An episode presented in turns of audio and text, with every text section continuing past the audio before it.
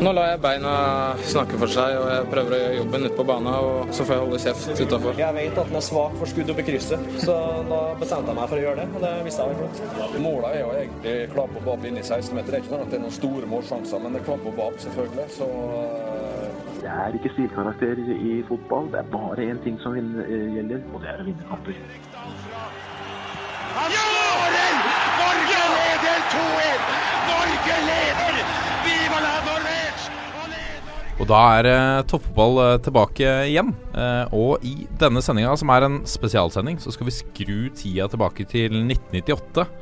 Året hvor eh, Norge tok ti gull, ti sølv og fem bronse i OL i Nagano. Eh, Boris Jeltsin avsatte den russiske regjeringen 23. mars. Oslo lufthavn Gardermoen ble åpnet eh, 7. oktober. Hei! Lasse 8. oktober. Ja, bare få lov å 8. oktober. Ja, offisiell åpning. Og Frank Sinatra, Pol Pot og Birger Ruud døde. Uh, hopp, hopp uh, Ja, ja, Hoppstjernen, ja. ja. Fra Kongsberg. Kjenner ja. Fra Kongsberg. Mm. Ja. Eh, men vi skal snakke om å gå tilbake til i hodene våre. Gjerne ta med dere lyttere. Mimre tilbake til Frankrike-VM 1998. Eh, Norges eh, deltakelse og kvalifiseringen inn til det som står vel tilbake som eh, noe av det beste i norsk fotballhistorie. Og hvem andre eh, Vi hadde en liste over hvem vi ville ha med for å, for å ta oss med på den reisen. Og på øverst på den lista så sto du, Arne Skeie. Velkommen hit. Takk for det, du. Veldig hyggelig å komme til dere. VM 98 er vel eh, For meg så er det, og for veldig mange andre tror jeg, så er det eh, ikke minst prestasjonen, men også stemmen din når uh, Flo blir uh, tatt i feltet. Om det er straffespark. Du, du spør Lars Kjernås 100 ganger, tror jeg, om det er straffespark. Hvordan kan, kan du ta oss litt med tilbake? Hvordan var det å, å sitte der? Når det skjedde? Ja, det for det første så eh, var det igjen var jeg i en veldig privilegert situasjon som fikk eh, reise og dekke et eh, fotball-VM. Eh, det blir eh, ja, Det er jo det største for en eh, fotballinteressert. Og for å ta akkurat det du spør om der, når jeg spør om det er straffe eh, Ingen på stadion forsto jo hvorfor han blåste. Men når han blåser, så visste jo jeg at det, det kunne ikke være mot Tore André. Og når han blåser der, så er det jo da innenfor eh, 16-meteren, og da må det være straffe. Men Samtidig, hvis jeg prøver å gå tilbake, så syns jeg det var så merkelig at Norge skulle få straffe der, for vi så jo ikke dette. Men det var jo en guds lykke at dette svenske TV-teamet hadde fått med seg det, slik at hele verden så det dagen etterpå. For det var de utroligste henvendelser jeg fikk fra kollegaer etter kampen. Norge, heldig igjen, ha med seg dommeren. Hvorfor fikk de straffe? Det var jo ikke straffe, det skjedde jo ingenting. Men dagen etterpå så ble det til de grader vist at Tore André ble hindret. Ja. Og det, det som står igjen som, som vi snakket om du, du har moderert deg litt, for etter kampen så sa du at det må være det største i norsk idrettshistorie. Ja, altså jeg, Og da ble, jeg du, da ble du irettesatt av Nils Arne Eggen, faktisk, av alle. Ja, det, akkurat det husker jeg ikke at jeg ble irettesatt av eh, Nils Arne, men jeg står for det at øyeblikket er det største. Det kom jo ut en bok i fjor også Ja. som hadde den eh, samme oppfatningen, at dette er det største øyeblikket. Alle vet hvor de var, alle fikk med seg dette, men den største idrettsprestasjonen, det er noe annet. Ja. Det var ikke kampen mot uh, Brasil. For meg er det fortsatt Rodals gull på 800 meter i OL som er den største idrettsprestasjonen. Men øyeblikket, ja. Størst. Norge slår Brasil. Ja.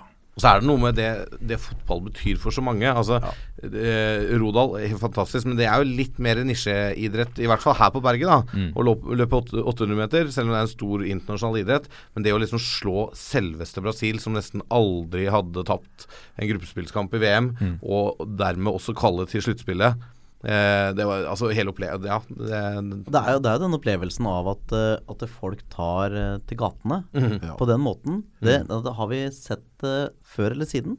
nei, Folk har jo tatt til gatene, men, men aldri på den måten. At eh, jeg, jeg dro jo sjøl rett ned til Rett ned til Bare på instinkt. Ja, ja, du gjør det. Bare på instinkt. Vi drar til Oslo. Ja, ja for jeg, var, jeg husker jeg var oppe og, og så den kampen eh, i en sånn sal, Sogn studentby. Å ja.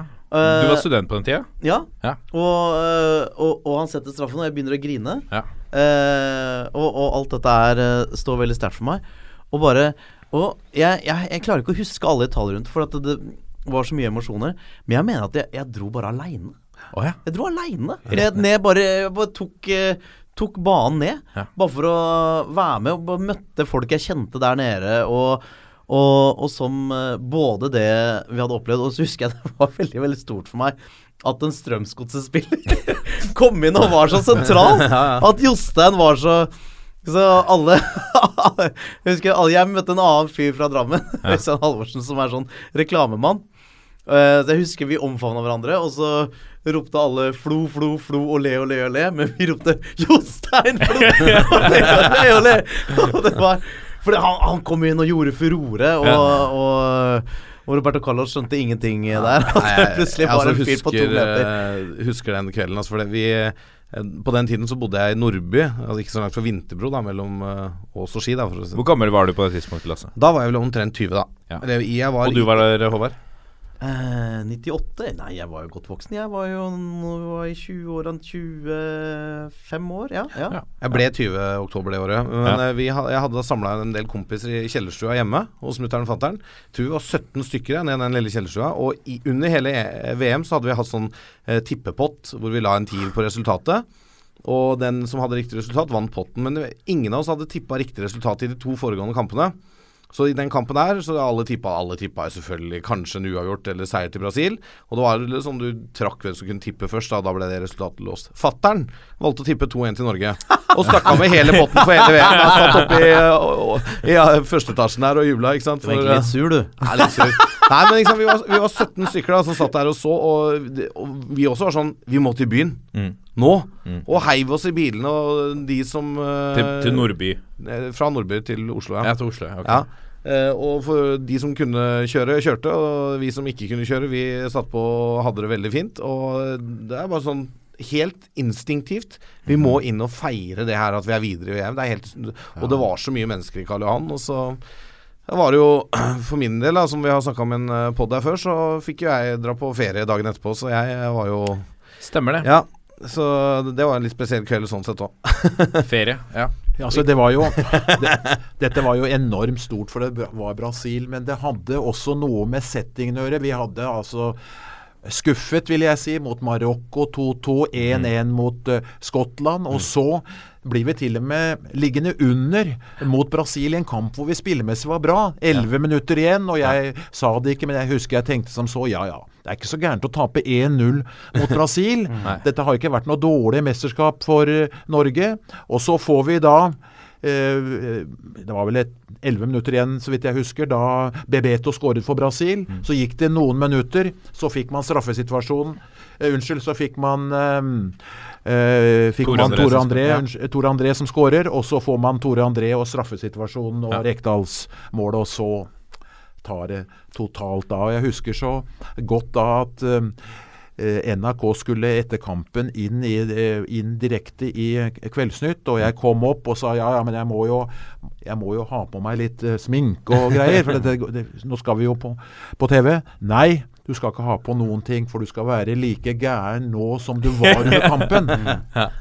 Men hvor mange nordmenn var det i velodromen i Marseille der? Altså Det på stadion? Ja, det var mange, og jeg husker jeg var- Jeg husker jeg var veldig opptatt av, for jeg hørte da at, at det hadde vært en del reiseselskaper som hadde kommet ned og fikk ikke billetter. Det var jo krise med det. Det var veldig mye tull med billetter og krise, og de kom ikke inn og betalt tusenvis av kroner. Jeg syns jo selvfølgelig synd på dem òg. Ja, det husker jeg Lars skrev om i boka si. Ja. Lars Kjernos Vi har skåret i Marseille. Jeg var tolv- jeg var tolv år jeg da, gutter. Da satt jeg hjemme med, med mor og far og, og familien og mange venner. Uh, og jeg husker etter vi skåret 2-1, da reiste mora mi seg og gikk ut i hagen. Og begynte å luke. og, eh, og stelte seg der. Eh, og der møtte hun pokker meg eh, dama i eh, naboen. Ja. Eh, kona i nabohuset. Hun sto også der ute. Hun orka heller ikke å se på. Så der sto de og prata mens kampen til kampen var ferdig, og vi hadde vunnet. Og det var jo egentlig Altså det var jo sankthansaften der. Ja. Egentlig en sånn eh, festens dag i Norge for for Absolutt. mange uansett. Eh, og den, eh, det er vel tidenes sankthansaften i Norge, kan vel si ganske greit. Ja, uten sammenligning. Ja. Og Martin Ødegaard var ikke født. Nei, ikke sant, Tenk deg det, ja. Var ikke født engang. Begynner å bli noen år siden, faktisk, Ja. når du sier det på den måten. Hvordan f før vi skal, vi skal begynne med kvalifiseringen og, gå inn på ikke alle kampene, men, men, men noen av de. Men, men bare uh, først, Arne. Hvordan, hvordan var det å være der uh, nede? Altså øh, med pressen rundt landslaget. Vi, vi har et landslag som, som er i VM. Det er fullt av fokus på oss, sammen nei, er... med alle de andre store nasjonene. Nei, sånn i ettertid så er det nesten ubeskrivelig. Ja, Dusinvis av pressefolk, eh, selvfølgelig. Interesserte nordmenn som reiste rundt. Det er jo en, eh, en unik situasjon. Jeg får håpe at vi får oppleve noe sånt i framtida. Skjønt, jeg lurer jo på, da, for i neste gang er det jo da Russland. Det blir ikke det samme som Frankrike. Og i 22 så er det jo da i desember VM-fotball i Qatar. Så jeg er veldig glad for at jeg fikk oppleve Frankrike. Jeg vet ikke når noe tilsvarende kan hende igjen.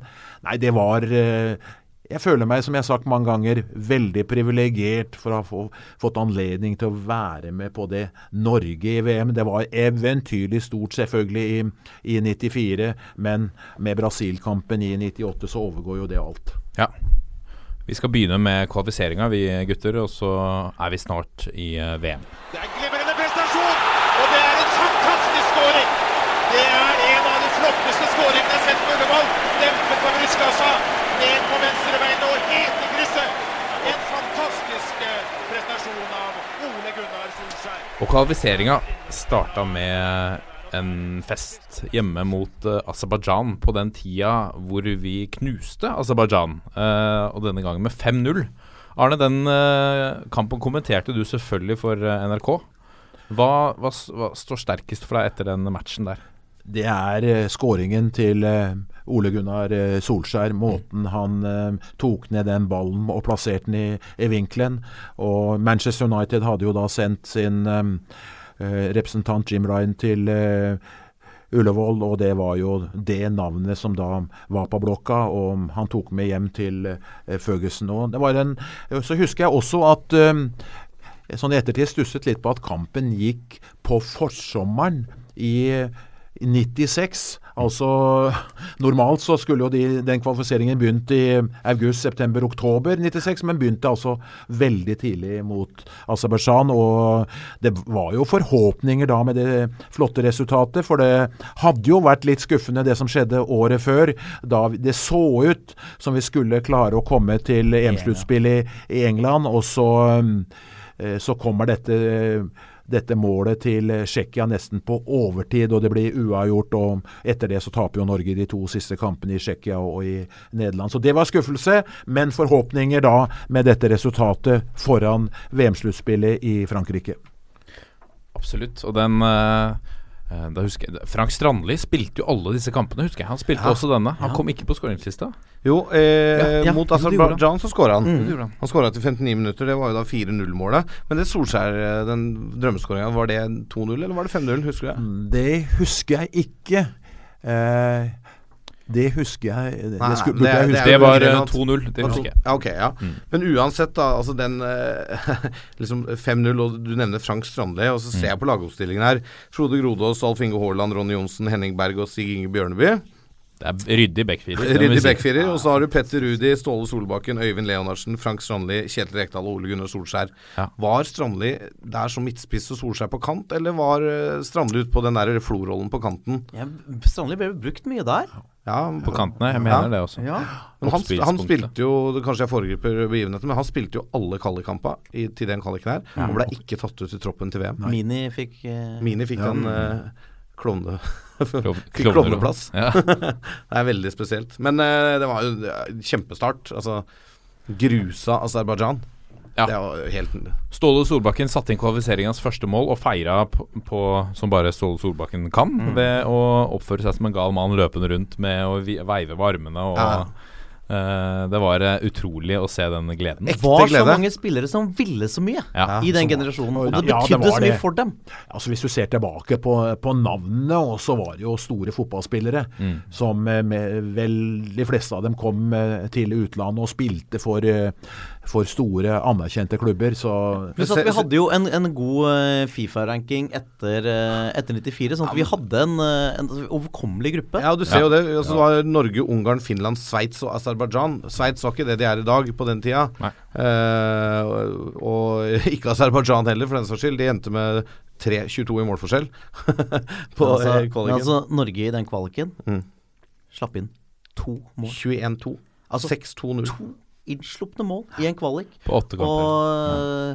hvis man kan trekke de linjer fram til, fram til i dag Ja, men altså i forhold til det å ha beinhard, stram, defensiv organisering, Mm. som var jo på en måte det, det, Altså, det var jo et av hovedtrekkene i, i Drillo-fotballen. Mm. Det å organisere en, en sonefirer så hardt, og også den femmeren øh, foran. To innslupne mål. Helt fantastisk. Og apropos spillere, se hvem som er innbyttere. Tore André Flo kommer inn til pause for Leo. Og Tommy Syndal Larsen eh, tar de siste tolv minuttene der for, det Solbakken. Det er bredde i den troppen. Det er bredde. Og da har vi ikke nevnt i den, eh, på det laget der, så var det ingen Erik Mykland, f.eks. Nei, det var det ikke. Eller på, eh, på banen i den kampen der.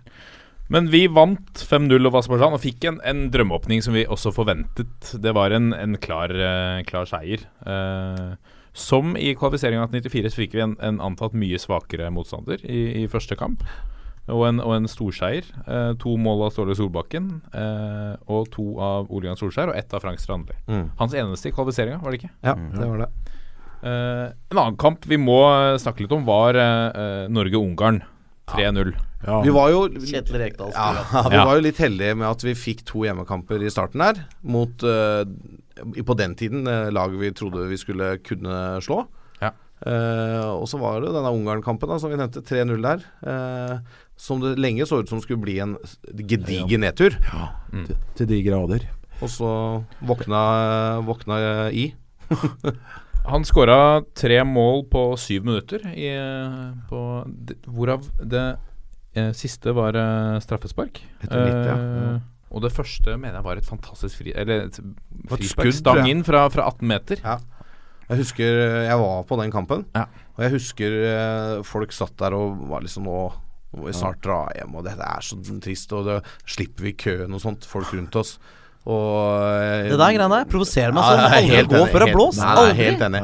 Og jeg, naiv som jeg var, sa til fatter'n nei, vi blir her, vi, dette må vi se ferdig. Selvfølgelig. Eh, det kan jo skje noe, og så eh, våkna Kjetil eh, så til de grader. Og igjen, altså når vi snakker om vinnerskaller og typer som virkelig ville noe for det landslaget sitt Kjetil Rekdal var jo en av de eh, på den tida som var bare en Altså Han var jo en mastodont for Norge, sånn sett. da Og gikk foran, Selv om han ikke var kaptein i den kampen der, det var han i forrige kamp. Da var det Frode Grodås. Men allikevel det, Vi hadde så mange kapteiner på banen. Vi hadde ikke bare kapteinen, som Og måten han løste den defensive midtbanerollen Ja, ja, ja, var helt fantastisk. forbilledlig. Ja. Et lag i balanse. Har du, husker du eh, noe fra denne kampen? eh, Nei, jeg husker det samme som gutta her, at jeg var eh, Jeg ga jo ikke uttrykk for det, men jeg tenkte dette var en gedigen nedtur etter 5-0 mot Aserbajdsjan. Ungarn hjemme, regner med at du skal vinne. Første omgang, eh, ingen skåringer, 0-0 ved pause. Det varte og rakk til langt ut i andre omgang før eh, Rekdal kom med skåringene sine.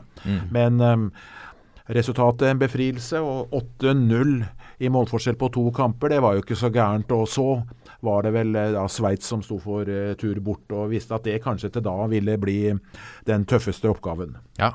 Og der vant vi eh, Vi tok den seieren òg, vi, borte.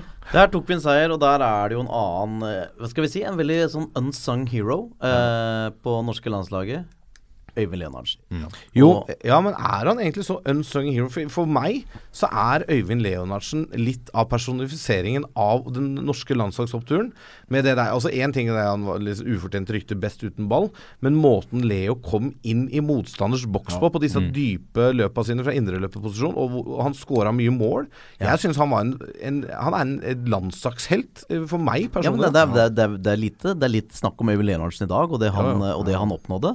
Eh, og han har, eh, han har fantastiske stats, både for landslaget og spesielt fra Wimbledon-tida hans i Ja, England. så ser England, da, hvordan engelske managere var begeistra. Kom, han fikk jo, kom jo til Liverpool og Aston Villa, det var ikke måte på. Nei, nei, og, men, men det var jo altså i det, Men det var jo Wimbledon-tida hans. Der, han, altså der var han eh, Der passa han som hånd i hanske Ja, ja. inn med de andre spillerne. Og, eh, og gjorde, gjorde en Og du nevnte det dype løp, og det var vel, eh, så vidt jeg husker, så var det slik eh, skåringen kom også i Sveits. Ja. Han kom på et løp Ja. og, og skåret. Men hvis vi kan snakke litt om det, da. Eh, nå, nå, nå Litt digresjon igjen, men Ja. for, for å trekke litt linjer. Eh, altså i forhold til eh, hvordan det laget spilte, med, med spillere som fullførte løp inn i boks, og hvor mange landslagsmidtbanespillere vi har i dag eh, så, som gjør det i liten grad, som er mer, eh, som er mer ballspillere, men som sjelden Og så ser du da vi kan snakke om litt sånn den, eh, den nye fotballen med, med høyt press eh, og, og intensivt press som, eh, som ja, Guardiola også står jo for det, Ja, og, og, og Klopp og, og, og Pochettino og sånn. Og hvor sentralt det er for de å få spillere inn i boks. Og akkurat som vi har liksom glemt det. Litt, litt i Norge, den derre altså, altså at midtbanespillere Du, du må kjøre inn.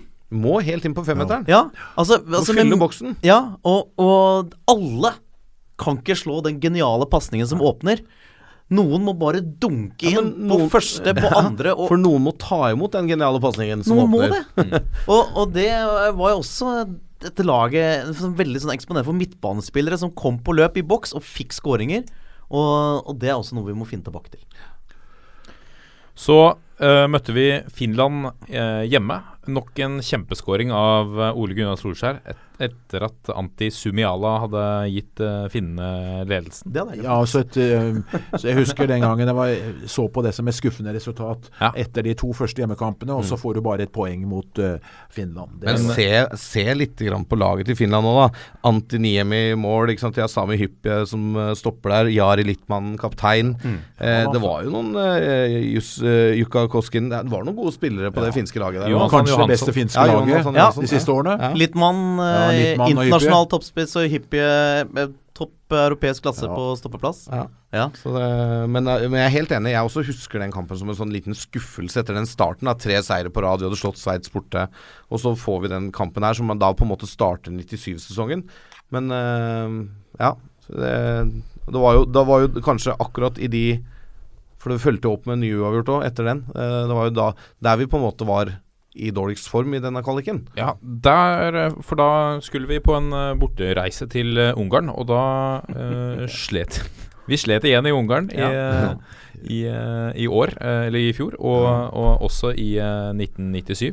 Men, ja, men på en annen side, den gangen så tenkte i hvert fall jeg Får vi uavgjort borte og vinner hjemme, så er det greit. Det, det, Ja. det holder, det. Jeg er ganske overraska over at han derre han uh, joggebuksekeeperen ikke sto for Ungarn i 97.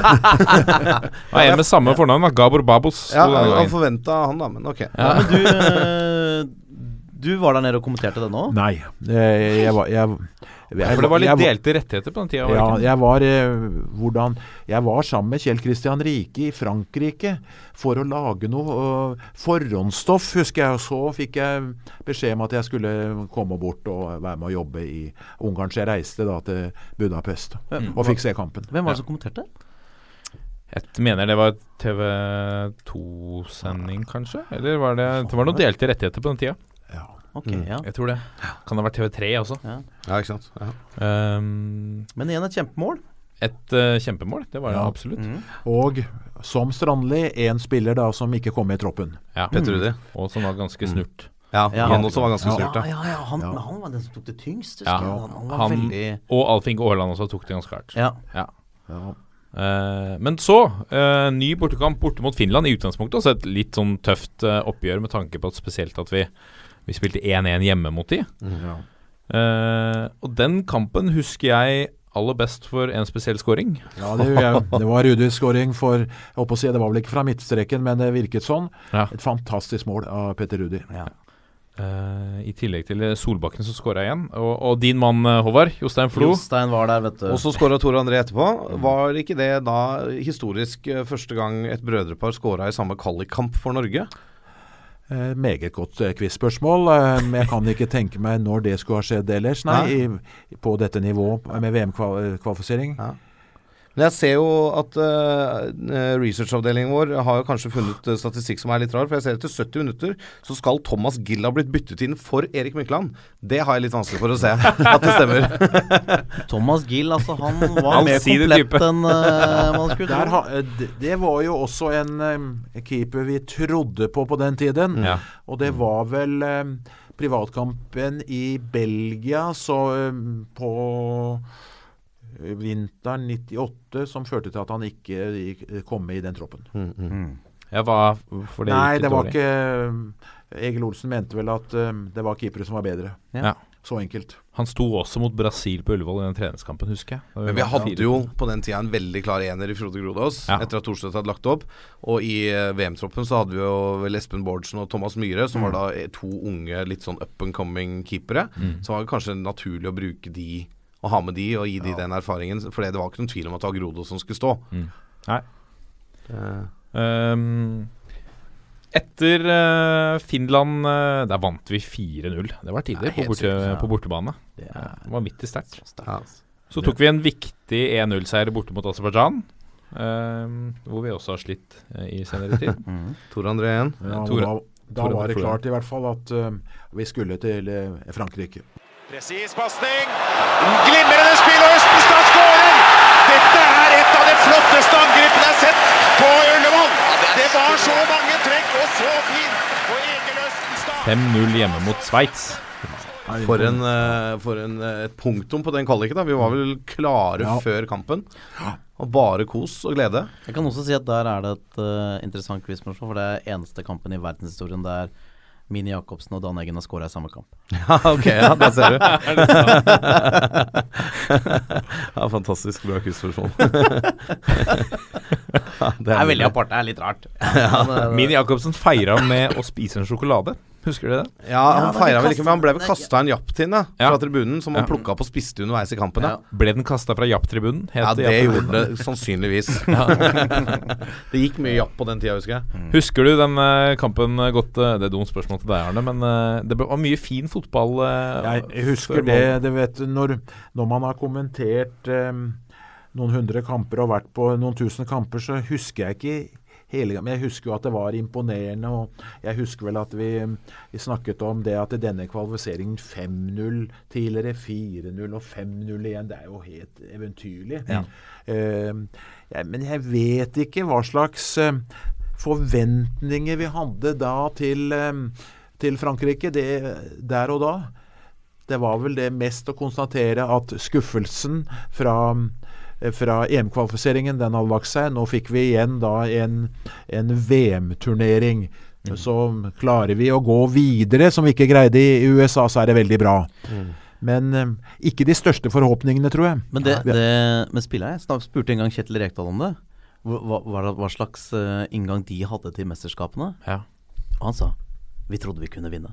Ja, 94 var det nok litt det. Ja, For da, At- at hadde- Men så fikk vi jo li, Vi fikk jo et lite varsko da vi var i Stockholm og gjorde siste pre- treningskamp og tapte eh, 2-0.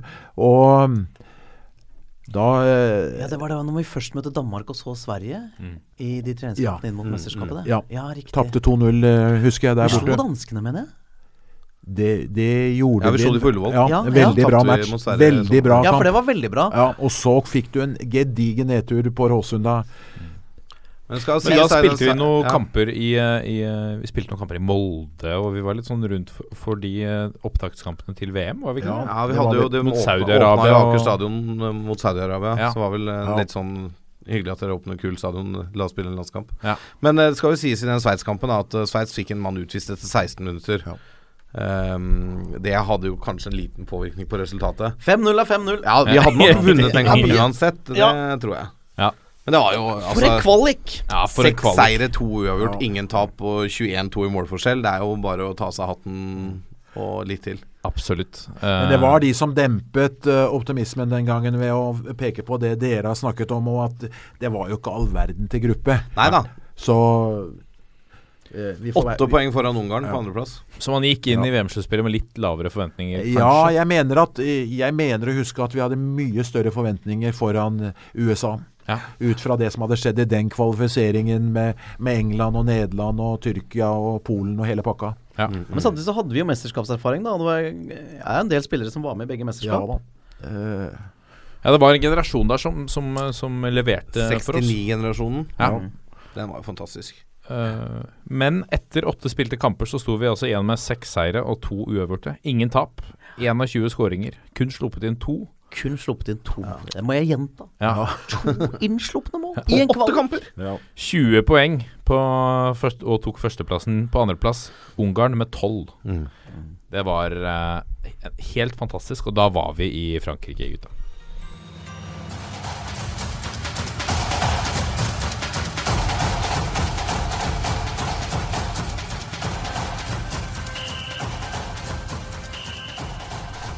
Da var det klart for eh, uttaket, landslagsuttaket. Vi har vært eh, inne på det allerede. Noen spillere ble skuffa, andre ble nok også litt overraska over at de var med. Noen spillere som hadde markert seg veldig i, kvalifiseringa eh, og vært med på alt, som ikke fikk billett. Mm. men Egil måtte velge 22 mann. Og i mål så hadde han selvfølgelig nummer én, Frode Grodås, ble tatt ut. Eh, på den tida så sto han i Tottenham. Eh, samtidig med Da hadde vi to keepere i Tottenham. Han og Espen Bårdsen, som også var med i landslagstroppen. Var, eh, vi var godt forspent, det har vi allerede snakket om, på, på keeperplassen. Uh, deg tre Premier League-keepere. Ja. Thomas, altså Thomas Myhre også med. Ja, men se på Espen Bårdsen, han er født i 77. Ja. Isolert sett, han kunne fortsatt vært keeper på toppnivå den dag i dag. Ja. I stedet jobber han med aksjer. Ja, ja. ja, for all del. Ja. Han om det. Ja, han om det. Og så har vi Vi, vi har en uh, vi, kan, eh, vi kan gå etter draktnummer. Nummer to, Gunnar Halle. Uh, var vel uh, Da var han 32. Ja. eh, litt på, det var hans slitt, siste sluttspill. Ja, men Gunnar Halle hadde jo da erfaring fra England. Var, var en av de første som kom, og det er et quiz-spørsmål, det òg. Første, eh, første nordmann som har skåret i Premier League. Gunnar Halle og var jo, ble jo bedre og bedre og fikk jo var jo innom Leeds og ja, Så det var et uh, godt valg. Og han var jo veld, god. veldig fin mann å ha med i troppen. Det er viktig, det òg. Skal være borte lenge.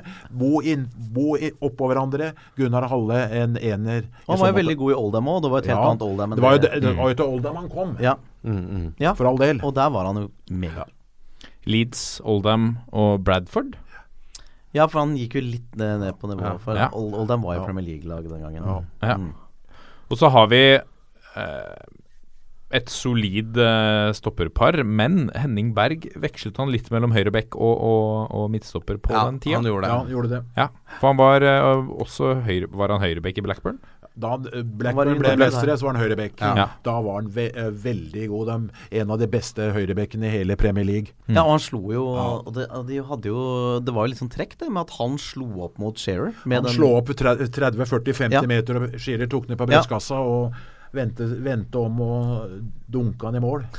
Drillo-fotball i eh, Blackburn også. Funka da òg. Mm. Men eh, du har jo da det, altså det stoppeparet da med Ronny Johnsen nummer tre og Henning Berg nummer fire. Eller de Ja. forsvarerne er begge i eh, United. Og da Henning Berg ble jo henta som stopper til United. Ja. Ja. Eh, mer eller mindre. Men han kunne bekle begge roller. Så det var jo solide gutter, kan vi vel si. Ja, og i sin absolutt beste alder. Altså Ja. Henning Berg 28, Ronny Johnsen eh, 29. Og, altså, og Ronny Johnsen, når han var på peaken av karrieren, var jo høy, høy europeisk klasse. Ja, selvfølgelig var han det, Ja. med den farten og Ja, helt enig. Eh, Også litt kanskje litt undervurdert. Kanskje litt undervurdert Altså, han- eh, i Norge, eh, Ronny Johnsen, men en fabelaktig spiller. Spilte jo til og med kamper på Deaf Midt da, for Ferguson. Ja.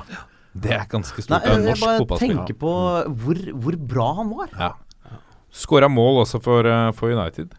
Eh, på venstre bekk en, uh, en ubestridt ener der, og Stig Inge Bjørneby, som skulle vise seg å bli viktig. Ja, han- var, var viktig på hele 90-tallet, han. Slo en eh, assist også til en uh, viss mann som skåra 1-0 eh, Nei, 1-1 mot Ja. Brasil. Ja. Uh, en stor eh, Da var han fortsatt i Liverpool, 28 år, også i sin, i sin prime. Ja, og, og en veldig, veldig god venstrebekk, altså. Men det er jo nevnt, solid, denne altså. nevnte 69-generasjonen, da. Ja. Ja. Ikke sant? Med Johnsen, Berg, Bjørneby. Rekdal, Hoftun. Mm. For en gjeng. Og Stig Bjørneby, dette liksom fantastiske treningsproduktet. Ja, Ja, ja, Mm. På en eller annen måte, For han var jo ikke fra Han var jo ikke kjemperask eller på en måte noen en, en Han skulle, han skulle jo bli skihopper, han. Han hadde over 100 meter i Rennabakken. Tenk. Men altså måten han trente opp det venstrebeinet sitt på Ja. Altså bare gjennom å Du, det venstrebeinet skal bare bli bra. Ja. Eh, og, og det jo, blir jo litt kanskje tabloid å si at han skaffet seg en karriere gjennom det venstrebeinet, men det, det var sentralt. Men apropos trene opp et bein, det er en liten digresjon her. Men jeg hørte et, en av disse Laudrup-gutta gjorde hadde en ganske svak venstrefot. Han var veldig god med høyre. Mm. Han bandt fast høyrefoten han i en stolpe og fikk pasninger så han måtte, måtte slå med venstre for å øve den opp i ung alder. Ja. Så det er jo mulig å trene seg. Morten Gams Pedersen er jo opprinnelig høyrebeint. Oh, ja. Yes, ja, det var Som fra, fra Da han begynte å spille fotball, så var han høyrebein. Ja. Er jo nå kjent for venstrefoten. Ståle Solbakken, som vi har snakket om i kvalifiseringa. eh, nummer seks. HB. Uh, ikke Da var han uh, 30, hadde 34 landskaper, spilte for Aalborg. Eh, hadde vel ikke den mest fremtredende rollen i sluttspillet? Midtbanespiller. Ståle var Ja. jo en, kom jo relativt sent. En av em, få spillere som ikke var med på aldersbestemte lag, og utviklet seg mer og mer. Og Mm. var jo stor i Aalborg og ja. Ble stor i, i FC København. F- ja, Innbytter mot Marokko starta mot uh, Skottland. Oi, beklager. Det er greit. Ja. Bare nevner det. Selvfølgelig nummer syv, Erik Mykland. Uh, en av altså de mest Når jeg tenker på nummer syv på landslaget, så er det Erik Mykland som står igjen for min del, i hvert fall. En klassisk Tenk deg her, altså i, en i spiller. 98, en alder av 26 år, og hadde allerede 54 landskamper. Ja Mye gode minner med Erik Mykland. Ja, jeg har det. Jeg har det.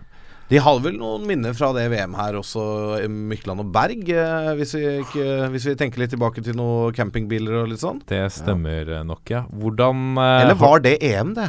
Det var VM i Frankrike. Var VM i Frankrike, ja. ja. Ja, stemmer. hvordan, Hva husker du fra den situasjonen? Jeg var den en barn, ja. Så jeg, jeg husker faktisk ikke mye, fordi at eh, NRK er jo en liten stasjon. Så jeg eh, som kommenterte, kunne ikke da følge det norske laget på alt de gjorde på trening.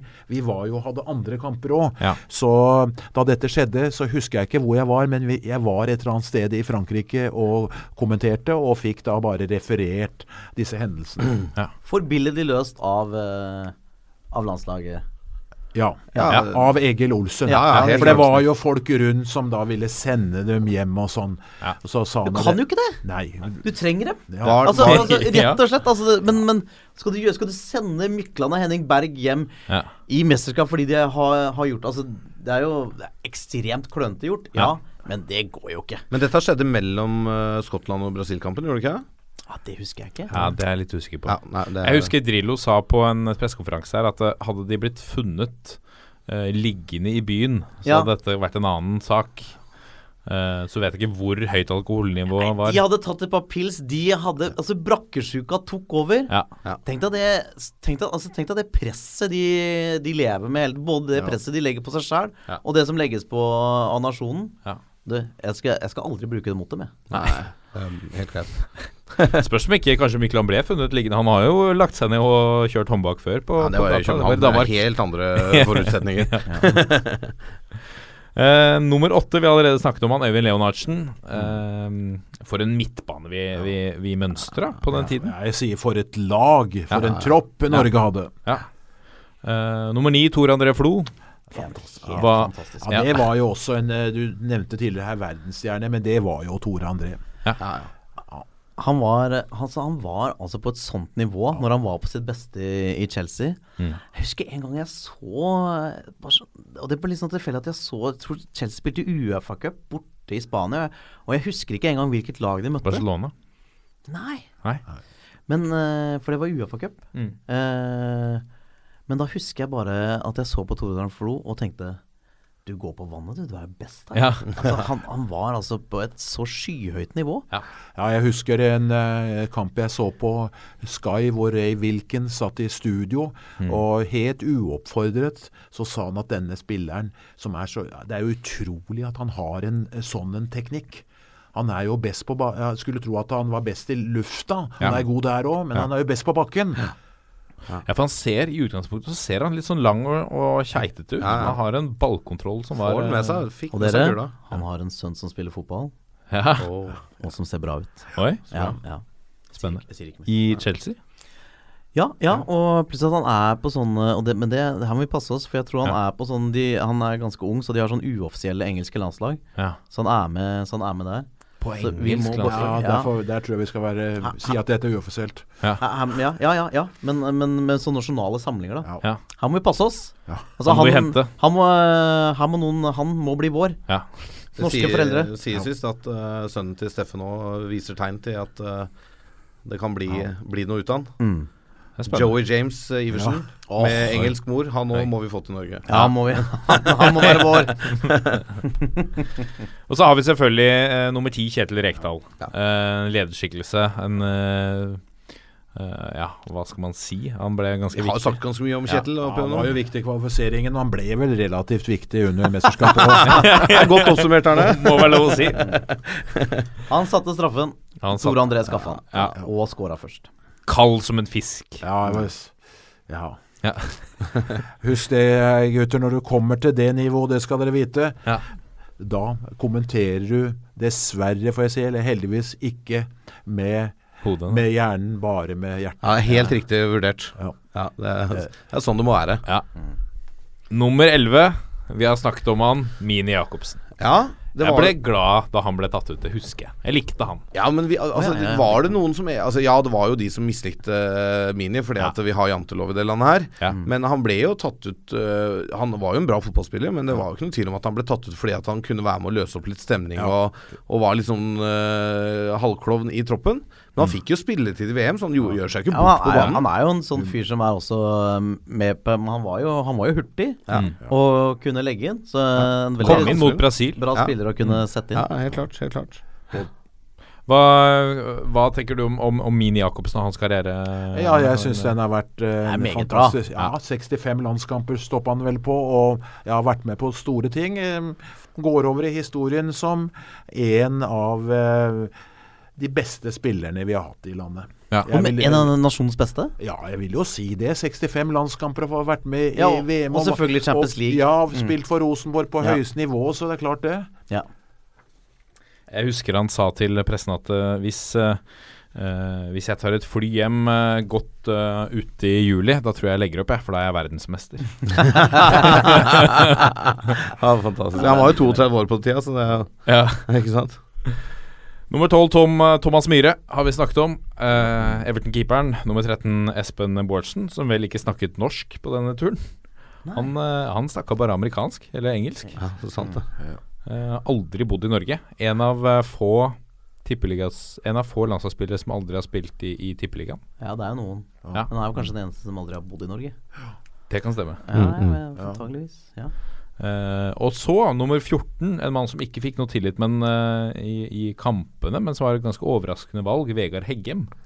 Ja, men der tror jeg, der tror jeg kanskje Drillo så at det var noe på gang. Mm. Ja, For uh, det som skjedde etter med, med Heggem var jo helt sensasjonelt. Ja. Han spilte i Liverpool. Tenk hvilken karri- karriere han hadde fått hvis han ikke ble skadet. Ja. Ja, altså det, den, eh, De hamstringene hans fikk juling, for han var kjapp, altså. Ja. Men jeg husker faktisk eh, Vegard Heggems Jeg tror det var siste kampen hans for Rosenborg. Det var på Marienlyst mot eh, Godset. Og så gikk han til Liverpool etter den. Og han var altså Han var så god. Han var meget god. Man, altså, man tenker at Vegard Heggem er en sånn spiller med, med de medisinske apparatene som de har i dag, ja. hadde fått en, en helt fantastisk Han hadde karriere. fått en bedre karriere. Ja. Ja. Ja. Mm. Han var sikkert med som, for å lære litt, da. Vil jeg Ja. tro. 22 år, ikke sant. Og det, ja. Ja. Men tror dere at uh, sånn sett i ettertid, da hadde det vært bedre å tatt med en Alf Inge Haaland for å få, ha bedre bredde i en uh, Beck-rekke? Ja, mulig. Det er, det er mulig, men de hadde jo med Vi kommer jo til de seinere, men du hadde jo med en Dan Eggen som kunne spille stopper, og Henning Berg kunne spille høyreback. Mm. Du hadde med en Riseth Halle. og Halle, Ja. eh, som begge kunne bekle backroller. Så du var jo for så vidt godt dekka i forsvaret, da, med de spillerne du hadde. Klart Alf Inge Haaland hadde jo en veldig sånn intensitet i spillet sitt. Ja. Mm. Så, men, eh, men altså, en, eh, Vegard Heggem han var jo på en måte litt forut for sin tid òg, føler jeg da. For det, nå i dag så er jo disse typiske wingbackene, Mm. de hurtige bekka som går opp og ned i krittet og er, er med i angrep som vinger og er tilbake og forsvarer seg. Det er, nå er det jo Du hadde jo en Carlos på Brasil, selvfølgelig, men det, er- det er jo veldig vanlig i dag, da. Ja. Å ha den type bekk. Ja. Så fantastisk spiller. Terry Cooper var for, forut for sin tid. Og så har vi selvfølgelig nummer 16. Kulthelten. Nei, å nei, nei, jeg var på, jeg var på Dan Eggen, jeg. Å ja. Ja, 15 er Ja, Dan Eggen. 15 er Dan Eggen. Ja, ja, ja. Nummer 15 Dan Eggen. Det var det jeg sa. Kulthelten. Fikk også en viktig rolle. Ja, og, og, og folk var jo ekstremt overrasket i eh, 94 da han kom i troppen. Ja. Var kanskje ikke så overrasket da han eh, ble tatt ut eh, foran Frankrike. Nei. Og fikk vel kanskje litt mer tillit enn en man skulle tro, også med sånn som Johnsen og, og Berg i troppen. Så kan du så kan du si at uh, hvis det hadde vært Henning, som hadde, Henning Berg som hadde vært i tilsvarende situasjon i kampen mot Italia, Ja. så hadde ikke Vieri fått løpe inn den skåringen som eh, felte Norge. Fordi Berg var raskere, eller fordi han For det, ikke hadde Ronny var i hvert fall veldig mye raskere. Han hadde ja, løpt ja. opp. Men det var jo Ja. ja. men det var, jo, det var nok derfor han la seg på, på, på Dan Eggen òg. Men uh, Ja. Henning Berg hadde nok uh, dytta han før han hadde Eller bare klippet ned. ja. Og så, Håvard, nummer 16. Jostein Flo, Ja. denne enigmatiske norske fotballegenden. Ikke dra det for langt nå. Eh, nei, men altså, han, han fikk jo en viktig rolle igjen. Ja. Eh, og han er jo denne rare fotballspilleren som på ingen måte har kanskje vært en komplett fotballspiller, men som har disse ekstremegenskapene. Eh, og som Jostein selv har sagt, når folk har sagt til Jostein Du er så god på å time, du kommer liksom alltid timer ballen så bra, så du liksom kommer alltid først på ballen uh, når, du, når du er foran mål. Sånn. Det er ikke nok. Du må heade hardt. Du må heade hardt! Han er opptatt av å heade hardt. Ja. Og Det gjorde han. det gjorde han altså. Og en, uh, en norsk fotballegende. Ja. Og så var han, jo, var han jo troppens eldste, da, sammen med Frode Grodås, 33 år. Så han var en seniorspiller på det laget her. Ja. Eh, også en kapteinstype, selv om han ikke var lagkapteinen. Ja. Nok en kapteinstype sammen med Henning Berg, sammen med Grodås og Rekdal og Solbakken. Altså Det var så mye kapteiner Ja. på det laget der at du kunne jo stilt elleve av dem, nesten. Og så har vi nummer 17, en annen Flo. Håvard. Fetter. Ja. Ja, han, eh, det viste seg at det var et eh, godt valg. Han eh, var jo viktig i denne andre kampen mot Skottland, og skåret vel, så vidt jeg husker, målet der. Ja. Og eh, da spilte han i, i Verde Bremen. Og han blei vel tatt ut på istedenfor Det var vel der Strandli røyk, gjerne, da. Når, ja, når eh, Haaland røyk for Heggem, eh, eller Halle, så røyk vel kanskje Strandli for en Håvard Flo. Han var jo veldig på vei oppover da, Flo. God i Verde Bremen, god i Wolverhampton etterpå, så det var Ja, det er morsomt å si at han er på vei oppover. Han var tross alt 28 år. Ja, men det, det var vel ikke så veldig mange som hadde mm, hadde tak på han før han kom til VD Bremen. Nei, det var liksom han der han slo gjennom. Han hadde bare ni kamper på det Ja. tidspunktet her. Ja. Landslaget før VM. ja. Og så hadde vi nummer eh, 18, Egil Østenstad. Som Ja. eh, Og der er det en, en historie bak. Han skulle egentlig byttes inn mot Brasil. Ja. Husker du det, Erne? Jeg husker at det, det skjedde noe der nede, men eh, selv vi kommentatorene var jo opptatt av det som skjedde ute på banen. Det var det, men eh, eh, Østenstad eh, var jo, apropos den Brasil-kampen, men han var jo veldig stor i den eh, privatkampen på Ullevål året før da Norge vant 4-2. Ja. En kjempekamp av Egil Østenstad.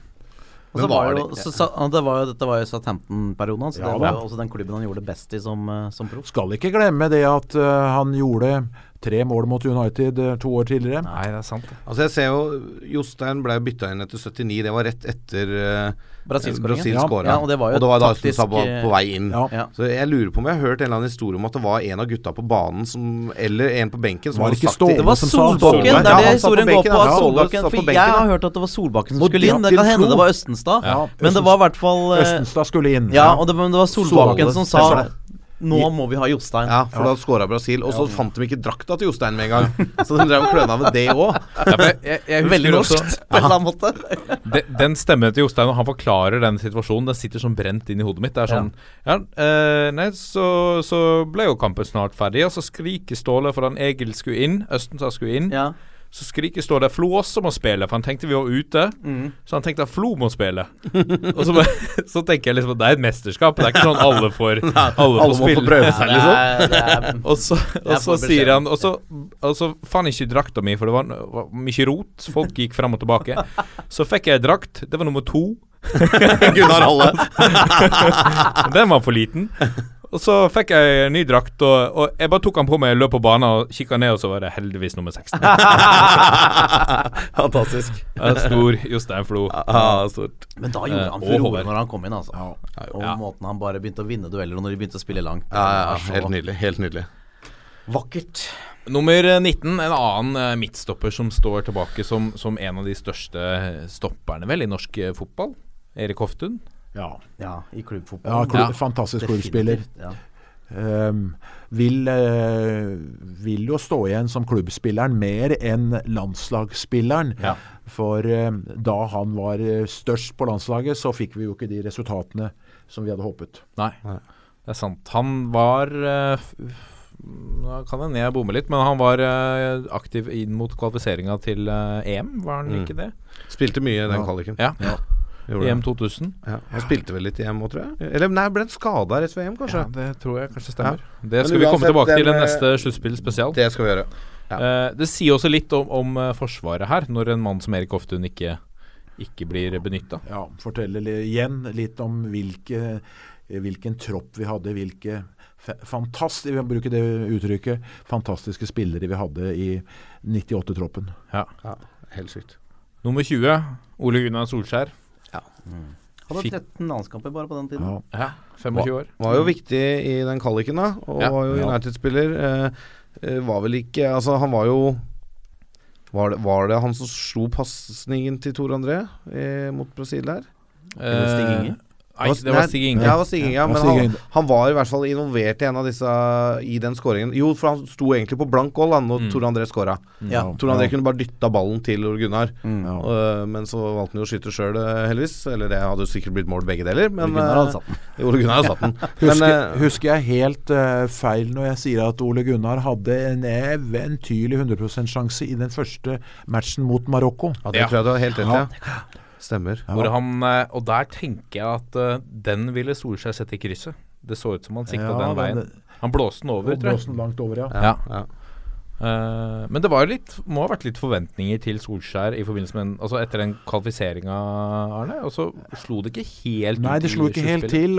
Jeg vet ikke hvorfor de ikke gjorde det, men uh, Han var vel litt ute av det sånn formmessig en periode. Han var vel litt halvskada Ja. uh, inn mot det mesterskapet. Så han spilte ikke siste kvalikkampen, blant annet. Og Og så var det kanskje også sånn at landslagets spillestil passet en Hva skal vi si enda mer sånn individualist, Ja. som Tore André Flo bedre. Ja. Fordi han var jo en veldig sånn relasjonell, Mm. fantastisk spiller, eh, eh, eh, Solskjær. Ja. Men, eh, men landslaget hadde vel kanskje ikke sånn helt samme grunnspillet som United. Nei, nei, det er noe med det. Nei.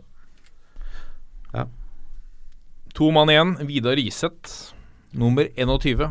Som vel spilte litt uh, Spilte han eh, Var han back, eller var han Han eh, spilte kant, Kant, ja. Kant, Kant, kant, ja.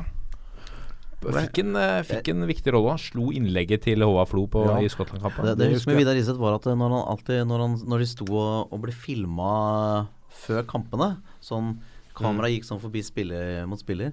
Så hver gang de kom til Vidar Iseth, tok han tok alltid sånn leken blink. Han blunka, blunka med øyet. Leken type. Ja, leken type. Ja.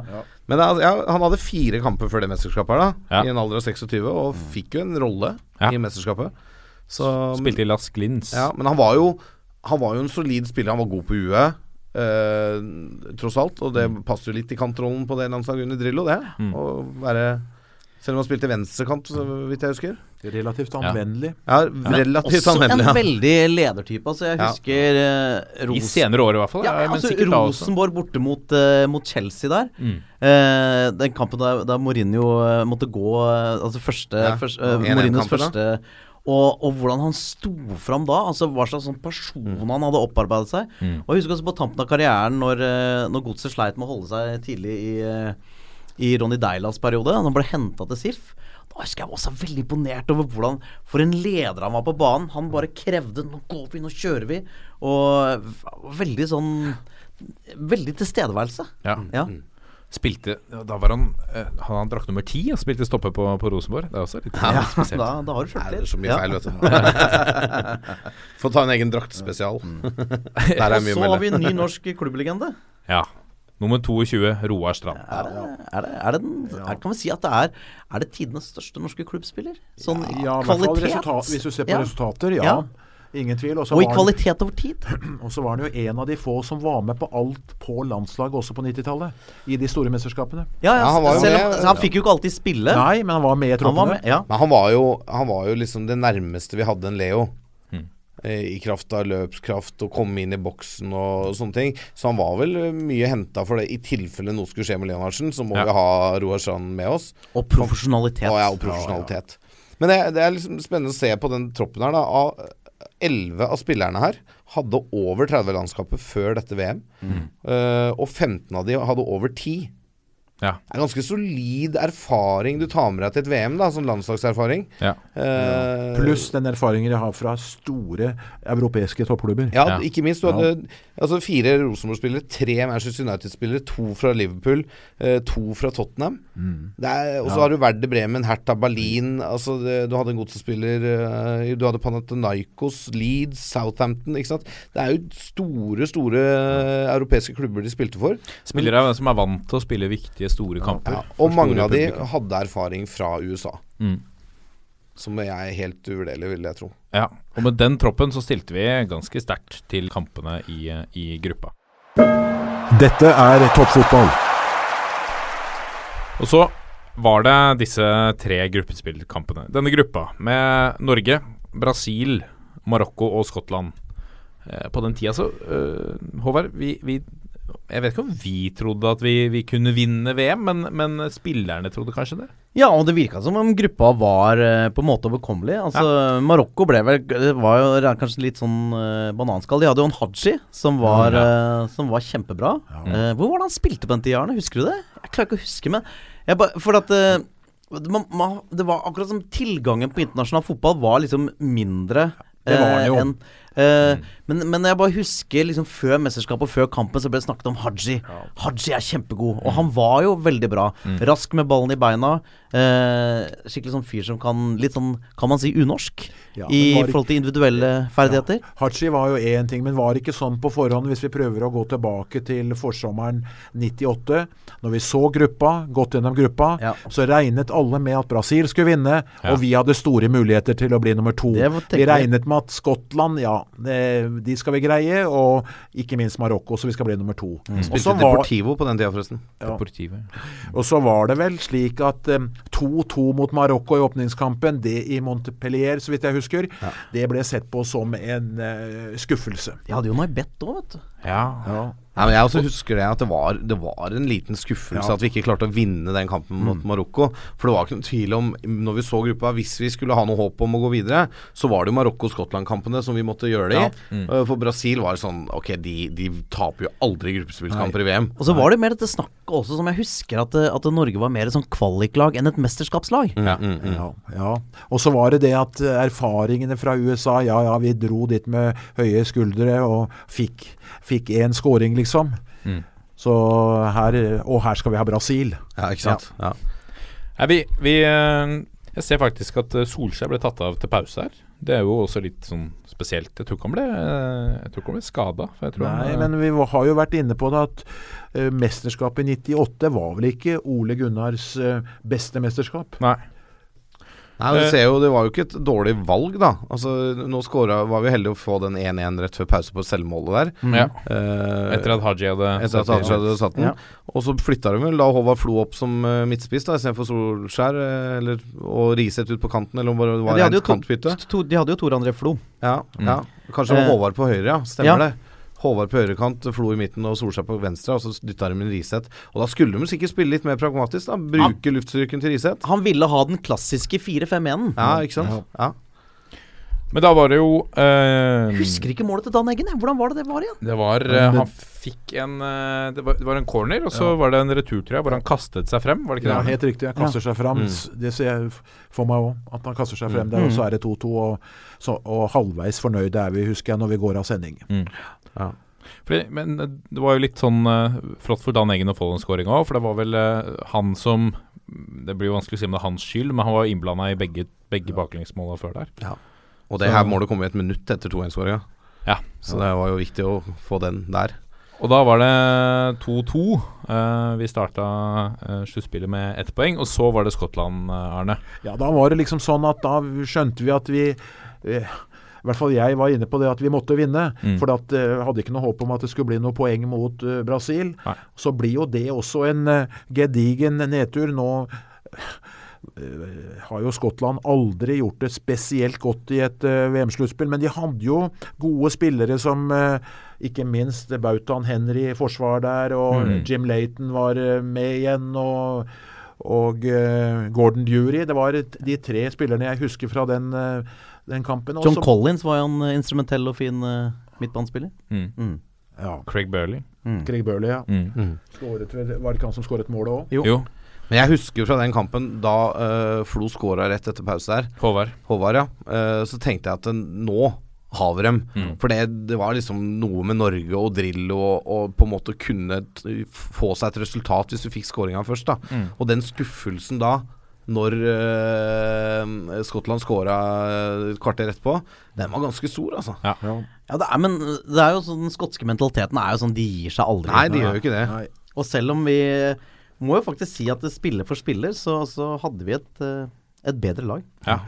Da husker jeg som tolvåring det var første gang jeg så så mange menn på TV uten tenner.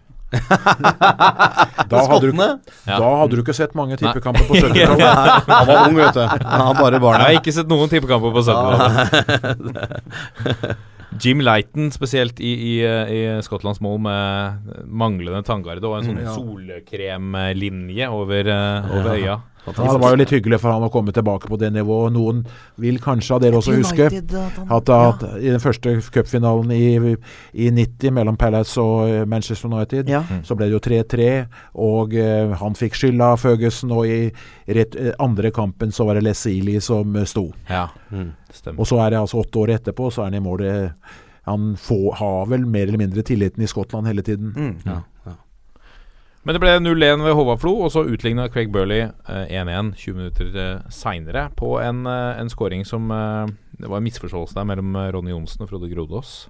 Men Ja. å, å huske så var det litt sånn bitter. Bare sånn Ja. Dette kunne vi unngått. Ja, og så kommer jo dette fram. Nå har vi to kamper og to poeng, Ja. og vi skal ha Brasil. Og for å gå videre så må vi jo vinne, og glem det. Nå er det snakk om å få et hederlig resultat, Ja. og slik at vi ikke har dumma oss ut. Ja, Var det innstillinga som Det, var, det vet jeg ikke om var innstillingen hos eh, gutta, men eh, i, i pressekretser, i TV-kretser hvor jeg vanket, så var det sånn at ja, nå er Norge ute igjen. og fordi at det er Brasil på, Ja. som står på den andre siden. Det var gøy å være med, liksom. det var, det var veldig gøy. Og vi hadde ikke dumma oss ut. Vi hadde Nei. tross alt to uavgjorte Ja. resultat. Og, Og så var det 23. juni 1998. Kan jeg bare få Stad Velodrom i Marseille. Ja, 55 000 tilskuere. Men se på det laget til Brasil. Tafarel, Cafu, Baiano, Consalves, Roberto Carlos, Dunga, Leonardo, De Nilsson, Rivaldo, Bebeto og Ronaldo. Ja. Herre fred for en lagoppstilling. Ja. Dette, var jo, dette var jo når eh, Første Ronaldo, når han var på høyden. Ja, ja, ja. Og for Da, og, en ja, spiss han Ja, for Ja. en spiss han var. og så en eh, Ja, så Bekken og, ja, og keeper Ja, hele laget. Dunga der og Ja, ja, ja. Som var relativt irritert både før kampen og under kampen på Egil Olsen. ja. som hadde eh, sagt et eller annet, og da Brasil skåret ved Bebeto etter 79 minutter, så løp han bort med fingrene og vise at han egentlig skulle ta Ta tunga hans, ja. ja. ja. Vær stille. Ja. Ja. Jeg, hadde ikke Drillo sagt at han eh, Hadde han trent Brasil, så hadde de vunnet hvert eneste mesterskap. Ja, ja. Det er ganske greit å si. Med min spillestil så hadde ingen vært i nærheten av å ta Brasil. Og etter, når seieren, e- etter seieren så er det jo noen som har sagt til meg det at kampen betydde ikke noe for Brasil, så det var eh, det må du ikke fortelle meg, at ikke en VM-kamp betyr noe for brasilianere. Nei. Det er ikke noen proffer i Brasil, Brasil som vil tape en kamp. Nei, og det er vel Egil eh, Drillo var vel med på å fyre opp at Ja. de hadde lyst til å vinne den kampen, og det så du som- med skåringa til Og i forhold til treningskampen i forkant av mesterskapet òg. Mm. Ja, ja, helt klart. helt klart Brasil hadde ikke tapt en gruppespillkamp siden 66. husker jeg du sa. Ja, det tror jeg kanskje var eh, eh, riktig gruppespill. Vi, Ja, Ja, gruppespillkamp.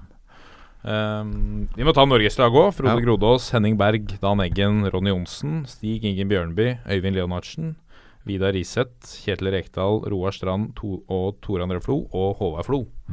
Eh, ikke like Slår ikke like gnister av de navnene, kanskje, men det var en bra, en bra førsteelver, det vil jeg si. Bra førsteelver. Og jeg husker spesielt da altså Roar Strand ble bytta til pause for uh, Myggen. Mm. Jeg tror Myggen hadde vært på banen i tre minutter, hvor han feier ned Roberto Carlos Ja. ute ved, ved, ved, ved benkene der, og får et soleklart gult kort, som kanskje hadde et uh, rødskjær i seg. Men det er så lurt å ta de. Ja, jeg er helt enig. Altså, da tenkte altså jeg bare det her er når du er i en kamp der du møter et lag, og så ha de gutta som Men det er ikke, du forventer den- ikke at du kommer fra Myggen, da. Liksom, kanskje noen andre skulle tatt den uh, taklinga, men det er jo herlig å se på. Jeg husker jeg bare Det digga jeg, å Ja. se han ta det gule kortet. Men også i forhold til at man uh, sier jo ofte at man skal se hvor godt et lag er, så skal du se hvem som sitter på benken.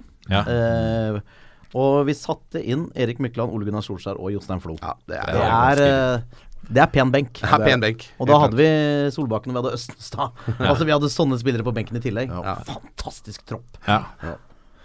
Uh, ja. Eh, Bebeto sendte brasilianerne i ledelsen. Da var, eh, da var jeg langt nede, husker jeg. Ja, det var jeg òg, for at vi hadde jo egentlig, eller vi, Norge hadde jo spilt bra. Mm. Så det lå jo an i hvert fall til 0-0 der. Tre kamper, tre uavgjort resultat, og så kommer det noe Å ja. Og da husker jeg jeg tenkte det samme som jeg sa i sted, at eh, ja ja, tape 1-0 mot verdens beste eh, lag, det er jo ikke så gærent. Ja, for de var jo regjerende verdensmestere. Ja. Og de var jo store favoritter. ja. Ja. Bjørneby. I ball. Og vi har folk foran mål. Og vi har folk foran mål, og vi har avslutning! Ja da! Skåring! Vi har skåret i Marseille! Vi har skåret mot Brasil! Vi har skåret mot Brasil! Jeg tror ikke vi Så kommer det og vi 83. minutt. Bjørneby som slår en lang pasning til uh, Tore André. Men den er ikke ferdigskåra. Den er Det, det må være lov å si. Kan ikke du Den skåringen husker du, Arne? Jeg husker den veldig godt. Kan ikke du beskrive den for oss? Ja, det Han får jo dette opp eh, Så drar han seg inn, eh, innover, og så er det Baiano han er i kamp med, er det Ja, ikke det det? Og så setter han eh, i lengste hjørnet. Ah. Oh. Høy, høy klasse. Og det, altså det å ha spisser som kan dra av en stopper Ja. mot én, Ja. det, er- det er ikke så mange som kan det. Nei. Sånn Når man møter et, et, et forsvar som egentlig ikke er i ubalanse Helt, eh, helt Så husker jeg blikket til Tore André bort mot assistentdommeren. Det var vel ikke noe offside her Nei. som gjør at han blir annullert? Mhm. Men det var riktig, det var ikke offside. Nei, nei, det var for, på ingen måte var offside, men eh, han må liksom konstatere Ja, ja, at det er 100 redd. Ja, ja, helt klart. Helt klart. Lurt å gjøre. Det var i det 83. minutt. Uh, og så husker ikke Det er sikkert veldig få husker hvordan kampen var etter eh, etter 1-1. Var det Nei, Jeg, jeg har et sånn, sånn bilde av at det var De slo mye mot uh, jo, Jostein. ja da, og hadde og, en mulighet og han header inn, og ja, det er eh, det blir, Altså, de klarer å lage kaos. Ja. De klarer å lage commotion. Og de klarer å få dette Brasil-laget ut av uh, Ut av en slags sånn jeg vil Ut av fatning? Ja, ut av fatning. Ja, med, med en uh, en uortodoks spillestil. Så er det jo denne ballen som havner hos Tore André, da. Og hvor han blir dratt i trøya. Det er jo For et uh, øyeblikk. Er det straffespark, dere? Er det straffespark? Det er det! Er det straffespark? Skal vi komme videre på slutten? Det er spilt 42 minutter. Norge, så vidt jeg kan bedømme har fått straffespark her. Det viktigste gjennom idrettshistorien, fotballhistorien. Unnskyld alt, men dette er helt utrolig. Og jeg vet ikke dere som satt hjemme og så dere, det var vel like eh, fortvi eller eh, spørrende som meg. Ja, hvor straffespark? Hvorfor Ja. ingen så denne trøya? Nei, jeg, jeg- husker bare at jeg så Tore André Flo gikk i bakken, Ja. og at han pekte på straffefeltet. Ja. Og så tenkte jeg hvorfor datt den? Ja. For det var liksom ikke noe klare tegn på at den hadde blitt kakka på. Tor André Flo var jo ikke en sånn type spiller Nei, som kasta seg Nei, nei. i, innenfor Men 16-meteren. han så jo litt sånn teatralsk ut i armbevegelsen idet han datt òg. Ja, ja, skulle markere at det her ble tatt. han, han markerte det veldig godt. Ja. Men jeg tenkte liksom, var det noe egentlig? Og du fikk ikke bildene heller, for som du sier, det der pressebildet dagen etterpå, så det var veldig sånn Jøss. Jeg, jeg, jeg husker jeg tenkte Jeg, jeg dreit i det. Ja, ja, jo. ja. Om dette er feil! Det, det gjør ingenting! Det var du ikke aleine om. Men igjen, Tore André Flo før han blir tatt der. Igjen så ser du hvor bra han er, som Ja, ja. gjør at, eh, Ja. at han må eh, At han må holde Men uh, igjen, uh, som den gangen vi ga, Jeg ga jo mange pluss til den amerikanske dommer. Det er ikke bare bare det er minutter før det er over å dømme straffespark mot Brasil. Lille nasjonen, fotballnasjonen Norge skulle få får se Rekdal, han er kald som en fisk. Vi har reist oss på plassene våre. Og Kjetil Rekdal fra Han skårer! Norge leder 2-1! Norge leder! Viva la Norvège! Og led Norge! Kjetil Rekdal og alle hjemme. Jeg har ikke opplevd maken! Og dette med jeg fullt hjerte 2-1 til Norge. Åh, dette er utrolig! Vi er kommet tilbake! Brasil ledet! Brasil har ikke tapt siden 66! Har ikke tapt siden 66! Se her! Det går til høyre for Tafarel. Og Norge i alles hjerter. Unnskyld patriotismen! Unnskyld alt! Dette må en 54-åring få lov til å glede seg over. Har ikke opplevd maken! Det er helt uh, Hva tenkte du når Kjetil gikk fram? da? Nei, da veit jeg ikke om jeg tenkte. Da, da tror jeg det kom mye rart. Plasserte jeg ikke Kjetil Jeg klarte vel ikke å uttale navnet hans, tror jeg. Nei, nei, jeg klarte det. ikke klubben hans. Jeg tror jeg eh, s s plasserte den i Werder Bremen. Ja, ja. Da Nei, var det noe Reksete, men da ja, var det mye. Ja. ikke sant. Da var det Ja. borte fra hjernen, over Sånn til må det være. Og jeg husker jeg ringte hjem etterpå til en god venn og sa dette var ikke bra med alt det der. Glem det! Glem det! Vi er, vi er hele halve Oslo er på Karl Johan, og alle byer så er det vilt. Ja, ja. Og liksom, men øh, ja, For å dykke inn på det litt forut for, øh, for begivenhetene her, men men, men jeg, jeg tror folk setter mye mer pris på en kommentator eller noen som går litt, som lar seg rive med av gleden, enn en som står og holder seg helt politisk korrekt.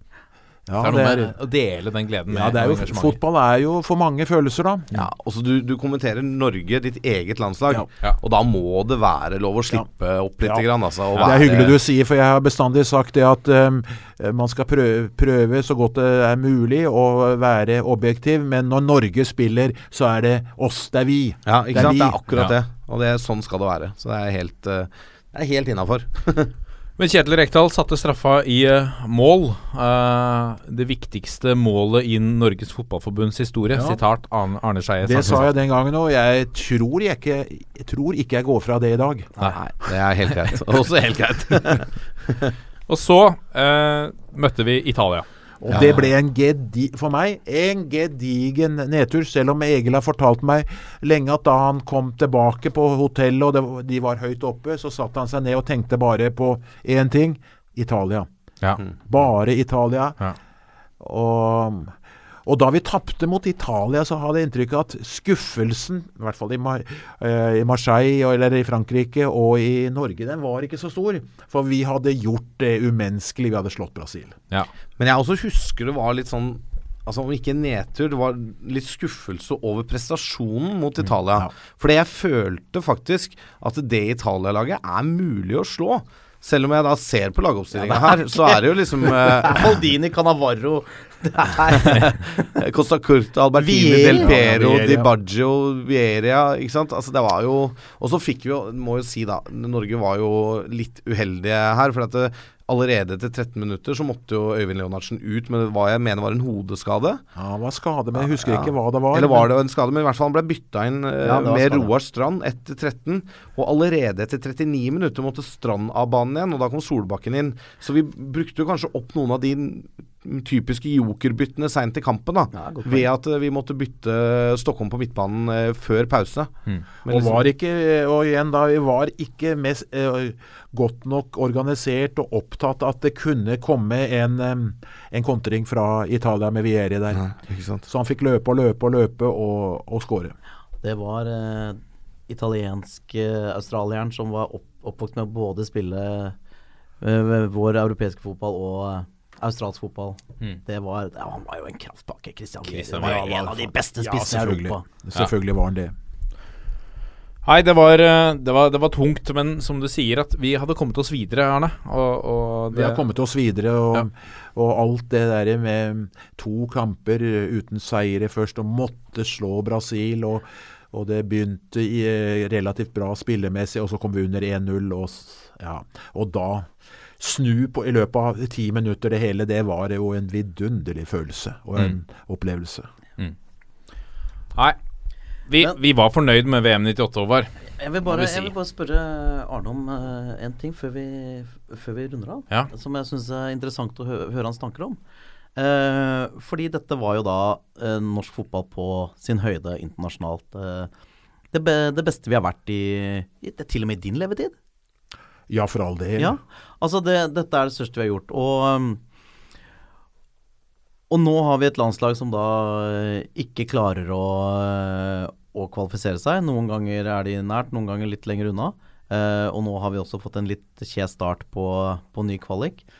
Hva, hva skal til for å, mener du, for å få et, et landslag som kan, kan gi de, de stolte øyeblikkene igjen? Altså Her er det mange ting å si. Kanskje blir vi i gåseøyne reddet av at det er folk både i Uefa og ikke minst i Fifa som nå vil utvide VM. Nå snakker man jo om at det skal være 40 lag med. Altså alle skal få være med. Så det er mulig vi kommer dit. Men um, måten vi kom dit på i ikke minst 94 og 98, det var jo gjennom tøffe kvalifiseringskamper. Og jeg og nå, i motsetning på 90-tallet, så har jo det, det europeiske fotballkartet blitt utvidet til 54 eller eh, ja, land eller føderasjoner. Så det er jo klart at dette blir ikke lettere. Det blir mye vanskelig i framtida å komme med slik som fotballen utvikler seg. Ja, men, men, men, men hvis vi også uh, går litt tilbake til hvordan uh, Tenk med spillestil og organisering og sånn, og, og hva, hva tenker du om hvordan eh, Egil, hvordan Egil organiserte lagene sine defensivt i forhold til hvordan vi gjør det i dag? Ja, altså jeg eh, jeg mener jo fortsatt at vi, eh, det har jeg sagt hele tiden, hvis vi skal vinne kamper, så kan vi ikke slå, for å bruke Brasil, med Brasils eh, metode. Vi må eh, spille på eh, vår styrke, og Egil Olsen var jo inne på dette på 90-tallet. Eh, var jo forut for sin tid. Jeg sier forut for sin tid, for hvis du ser de siste årene, så har jo Leicester og Atletico Madrid vist at det er mulig å komme langt med den spillestilen. Ja, ja, ja, og som selvfølgelig ikke er helt lik, men som har en del felles felles Veldig mye. Hvis du så Leicester på sitt beste, Ja. så var det ikke mange tversoverpasninger og pasninger bakover. Når de fikk ballen, så gikk det relativt fort i lengderetning. Og hvis du ser også Atletico Madrid på sitt beste, så spiller de ja, Jeg skal ikke si at jeg har lært av Egil Olsen, men eh, det er, det er mange likhetstrekk her. Mm. Og, men i forhold til også Island og, Ja, du, du, kan- du kan gjerne ta Island Ja. mot England. Hadde de ikke 20, var det 24 eh, possession, Ja, så vinner de. Men det er noe, det er noe med det uh, som vi har snakka litt om, og som jeg nevnte så vidt om Rosenborg i stad, uten sammenligning for øvrig. Men Rosenborgs evne, da, også på norsk nivå i dag, til å ta lag i ubalanse. Til å feie den ballen framover når sjansen byr seg. Det eh, tror jeg er fortsatt den dag i dag et viktig element for å lykkes i internasjonal fotball også. Altså den, den evnen da til å ta laget i ubalanse framover. Og du kan si hva du vil om Barcelona under Pep Guardiola, men mye av grunntanken der òg var å ta det i ubalanse, selv om man brukte masse trekk i laget for å få det i ubalanse. og veldig intensitet i gjenvinning. Og veldig Ja, intensitet ja, veldig- i gjenvinning. Men allikevel, når de så åpningen til ubalanse, da gikk det framover med en Ja. gang. Det tror jeg er veldig viktig. Jeg er så enig i det med ubalansen. Men hva med defensiv organisering? For den var jo også så streng under Drevland. Der har vel dagens landslag litt å lære, kanskje. Ja, men altså både fireren og femmeren. Men, men vi hadde Altså, jeg tror tilbake da Ja, vi hadde så definerte typer. Se på den forsvarsrekka til Norge i 98. Da. Se på midtbanespillerne. Vi hadde åtte-ni kapteiner i troppen. I dag har vi en kaptein som nesten ikke er kaptein, uten å til forkleinelse for Per Siljan Skjelbred, men eh, som spiller ute av posisjon også. Vi hadde definerte typer, vi hadde definerte roller, vi hadde definerte ledertyper. Vi hadde masse kapteiner i den troppen der. Men er er de gutta som er nå nødvendigvis så annerledes, eller var det omstendighetene Kanskje som skapte dem like mye? Ja. Det er jo selvfølgelig et, det er jo umulig å svare på, men, men, men vi kan ikke bare snakke om at de gutta var så veldig annerledes. Nei, enn- Men de gutta den gangen i forhold til, eh, til stjernene, så var, mener jeg uh, nesten samtlige var nærmere stjernene i europeisk internasjonal fotball enn de som spiller i dag. Ja. Det var de. Men, men samtidig så er det jo Det er jo et annet no, altså på en måte Nå henter jo toppklubber i Europa spillere med fra, fra hele verden enn enn, en de gjorde den gang. Og da vil jeg igjen bruke Island som eksempel. I et mesterskap vi har ganske tett i minne. Ikke så mange internasjonale stjerner på det Nei, laget. det er et godt poeng, det. Altså. Ja, godt poeng, og, og det er også et godt poeng at de eh, hadde Lars Lagerbäck som eh, sjef. Som visste hva han ville. Tydelig. Tydelig, tydelig type. Vi hadde et fantastisk VM-sluttspill i 98, det kan vi være enige om alle sammen. Takk for, eh, takk for denne stunden. Det er deilig å mimre, mimre tilbake til gode tider. Vi takker takke Arne. Ja, For at han har vært med i to podkaster for oss. Jeg må jo si at for meg, ære, altså. for meg er det jo en stor ære å komme hit Ja. og snakke med folk som er fotballinteressert. Og det er, jeg treffer mange mennesker, men jeg treffer ikke hver dag folk som er til de grader så dedicated til eh, fotball i Norge og i Europa og verden som dere. Så takk for at jeg fikk komme. Arne Skeie. eh, applaus. Hyggelig å høre. Tusen takk. Vi er eh, Toppfotball på Facebook, Twitter og Instagram. Gå gjerne inn på iTunes og legg inn en rating òg, så kjører vi den ut på lufta. Ha det! Ha det! Ha det!